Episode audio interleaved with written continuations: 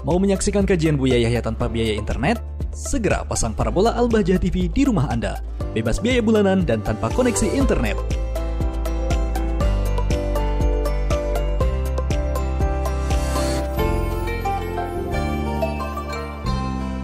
Halo, Assalamualaikum. Halo, Assalamualaikum. Waalaikumsalam warahmatullahi wabarakatuh. Baik, sudah bergabung ke telepon. Iya, Alhamdulillah, barakallah fi umi. Aku sering Alhamdulillah. banget telepon, nggak bisa masuk-masuknya. Alhamdulillah masuk. Alhamdulillah Saya mau baik. bertanya Umi. Ini dengan siapa di mana? Di Jakarta. Dari hamba Allah di Jakarta. Baik, kita bersolat terlebih dahulu. Mau tanya, Umi. Hmm, silakan bersalawat terlebih dahulu. Ya berkah. Allahumma sholli ala Sayyidina Muhammad wa ala ali Sayyidina Muhammad. Allahumma sholli wa sallim wa barik alaihi wa alihi. Baik, silakan langsung bertanya kepada Buya. Assalamualaikum Bu ya. Waalaikumsalam warahmatullahi wabarakatuh. Apakah zak- saya itu berzakat sama orang tua saya boleh gitu? Apa kepada yang lain gitu Bu ya? Baik.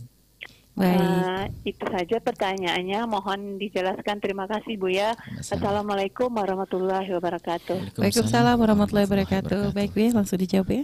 Kalau Anda memberikan zakat kepada zakat itu boleh diberikan kepada orang yang tidak mampu fakir yang tidak menjadi kewajiban dalam nafkahnya atas Anda. Anda seorang istri, seorang wanita tidak wajib menafkahi orang tuanya kalaupun orang tua fakir kecuali hidup bersama Anda. Maka selagi orang tua Anda adalah tidak bersama Anda, maka sah zakat Anda Anda berikan kepada orang tua. Tapi kalau orang tua Anda hidup bersama Anda dan nafkahnya diwajibkan atas Anda, maka tidak boleh. Contoh ibu bapak.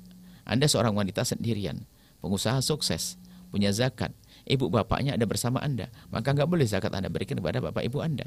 Tapi jika bapak ibu Anda hidup berbeda di tempat yang berbeda, dia punya kehidupan sendiri, maka boleh Anda berikan zakat kepada mereka. Biarkan untuk bapak.